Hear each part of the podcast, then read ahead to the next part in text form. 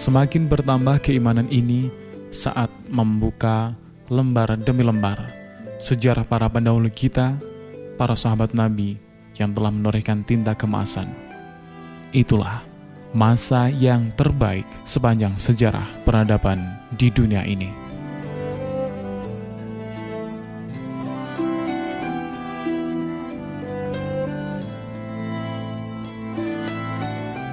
Kali ini kita akan berjumpa dengan salah seorang ahli bait Nabi Muhammad SAW, Sofiyah binti Huyai.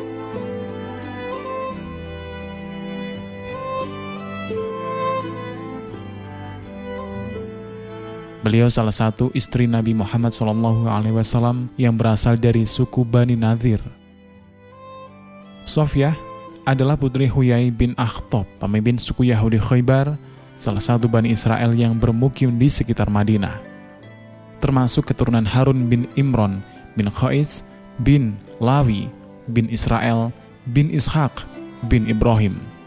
Ibunya bernama Barrah binti Samawal Darin, Bani Quraidah. Sofia dilahirkan 11 tahun sebelum hijrah, atau dua tahun setelah masa kenabian Muhammad. Sofia adalah anak kesayangan bapaknya dan pamannya sebagaimana dituturkan oleh Sofia sendiri yang dikisahkan oleh Ibnu Ishaq. Saya adalah anak kesayangan bapak saya dan paman saya, Abu Yasir. Saat Rasulullah datang di Yasrib, beliau turun di Kuba di kediaman Amr bin Auf. Maka bapak saya, Huyai bin Akhtab, dan paman saya, Abu Yasir, pergi di pagi hari. Akan tetapi mereka berdua belum pulang meski matahari sudah kembali ke peraduannya. Tidak lama kemudian, mereka datang dalam kondisi lelah, malas, dan lemas. Mereka berdua berjalan dengan gontai. Saya menyambut mereka dengan ceria, seperti biasanya. Tapi, demi Allah, tidak seorang pun di antara mereka berdua yang menoleh ke saya. Ditambah lagi mereka berdua tampak sedih. Tiba-tiba saya mendengar paman saya, Abu Yasir, berkata kepada bapak saya, Huyai bin Akhtab, apakah itu orangnya? Ya, betul, jawab ayah saya. Apa kamu mengenalnya? Tanya paman. Ya, jawab ayah.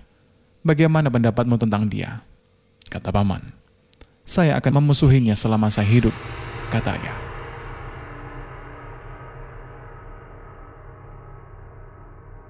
Setelah kejadian itu, Sofia mengetahui bahwa Rasulullah berada dalam jalan yang benar. Ternyata selama ini, kaumnya tidak memberitahukan tentang Nabi Muhammad kepada Sofia karena faktor kedengkian dan iri hati, bukan karena Nabi Muhammad salah. Setelah ada bukti yang nyata pada diri mereka bahwa Nabi Muhammad adalah utusan akhir zaman.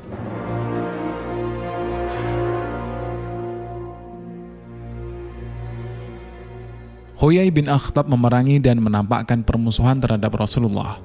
Meski dia tahu bahwa Rasulullah merupakan nabi akhir zaman sebagaimana termaktub dalam kitab Taurat. Sifat dusta, tipu muslihat, dan pengecut ayahnya sudah tampak di mata Sofia dalam banyak peristiwa. Di antara yang menjadi perhatian Sofia adalah sikap Huyai terhadap kaumnya sendiri, Yahudi Bani Quraidah. Saat itu, Huyai berjanji untuk mendukung dan memberikan pertolongan kepada mereka jika mereka melepaskan perjanjian tidak mengkhianati kaum muslim atau dalam perjanjian Hudaibiyah. Akan tetapi, saat kaum Yahudi mengkhianati perjanjian tersebut, Huyai melepaskan tanggung jawab dan tidak menghiraukan mereka lagi. Hal lain adalah sikapnya terhadap orang-orang Quraisy Megah. Huyai pergi ke Mekah untuk menghasut kaum Quraisy agar memerangi kaum muslim dan mereka menyuruhnya mengakui bahwa agama mereka lebih mulia daripada agama Muhammad dan Tuhan mereka lebih baik daripada Tuhan Muhammad.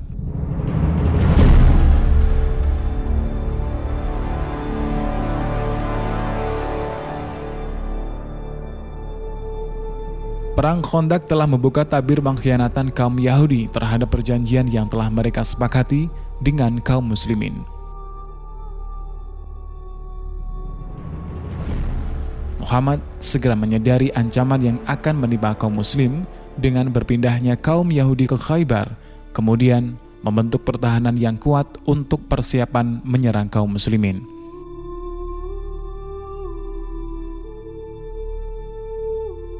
Selanjutnya, Nabi Muhammad memimpin tentara Islam untuk menaklukkan Khaybar, benteng terkuat dan terakhir kaum Yahudi. Perang berlangsung dahsyat hingga beberapa hari lamanya. Dan akhirnya kemenangan ada di tangan umat Islam. Benteng-benteng mereka berhasil dihancurkan. Harta benda mereka menjadi harta rampasan perang dan kaum wanitanya pun menjadi tawanan perang.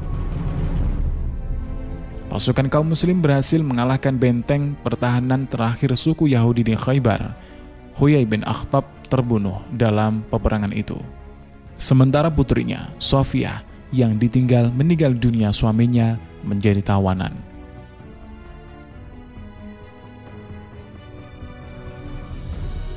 Setelah orang-orang Yahudi kalah dan bentengnya di Khaybar jatuh ke tangan kaum muslim, Sofia menjadi salah satu tawanan perang. Dia masuk dalam bagian pendapatan perang seorang sahabat, Dahyah bin Khalifah.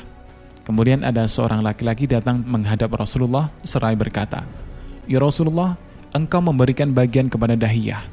Sofiyah binti Huyai, putri pemimpin Bani Quraidah dan Bani Nadir, padahal Sofiyah hanya layak untuk engkau. Rasulullah bersabda, panggil Dayah bersama Sofiyah. Dayah datang membawa Sofiyah. Setelah Rasulullah melihat Sofiyah, beliau berkata kepada Dahiyah, ambillah budak yang lain dari tahanan yang ada Daya pergi tanpa membawa pulang Sofia.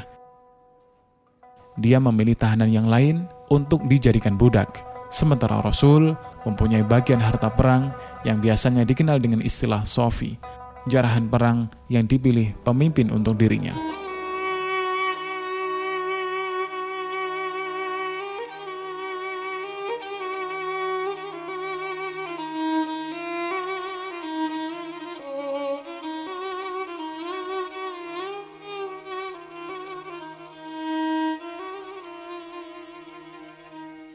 Rasulullah bebas dalam memilih apakah ingin memilih budak laki-laki, budak perempuan, atau kuda selama belum melebihi seperlima. Rasulullah memberikan pilihan kepada Sofia apakah ingin dimerdekakan, kemudian akan dikembalikan kepada kaumnya yang masih hidup di Khaybar, ataukah ingin masuk Islam kemudian dinikahi oleh Rasulullah. Sofia memilih untuk masuk Islam dan menikah dengan beliau dengan mas kawin kemerdekaannya. Pada saat itu, Sofia berkata kepada Rasulullah, Ya Rasulullah, saya memeluk Islam dan saya sudah percaya kepadamu sebelum engkau mengajak saya. Saya sudah sampai pada perjalananmu. Saya tidak punya keperluan kepada orang-orang Yahudi. Saya sudah tidak mempunyai bapak dan tidak mempunyai saudara yang merdeka. Lalu untuk apa saya kembali kepada kaumku? Ungkapan hati Sofia ini menunjukkan kebijaksanaan dan kecerdasannya. Sofia menjadi salah satu umul mukminin dan itu merupakan kehormatan yang besar. Setelah Nabi Muhammad SAW meninggal dunia, Sofia tetap komitmen terhadap Islam dan mendukung perjuangan Nabi Muhammad. Ketika terjadi fitnah besar atas kematian Utsman bin Affan, dia berada di barisan Utsman. Sofia banyak meriwayatkan hadis Nabi. Sofia meninggal dunia tatkala berumur sekitar 50 tahun ketika masa pemerintahan Muawiyah bin Abi Sofyan. Marwan bin Hakam mensolatinya, kemudian menguburkannya di pemakaman Baki.